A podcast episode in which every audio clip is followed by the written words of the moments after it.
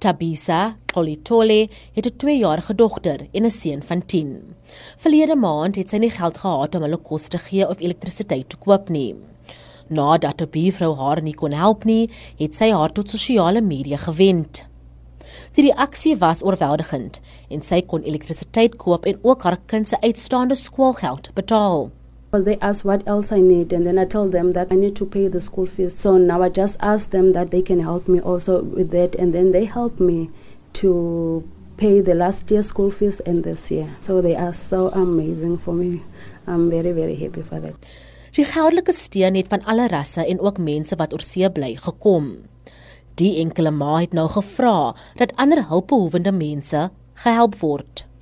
Not like uh, South African people only, was from uh, America, was from Canada, from uh, Zimbabwe, was from Malawi. I'm happy and I'm very, very thank you for what they did for me.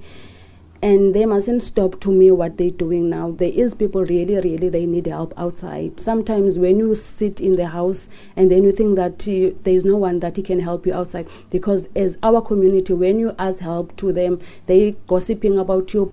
Op die 17de Junie het sy getweet: I have no words to express the love that people from all walks have shown me. May God bless you. Sy het ook die SAIK se onlangse besoek aan haar met 'n foto van twee potte op die stoof getweet.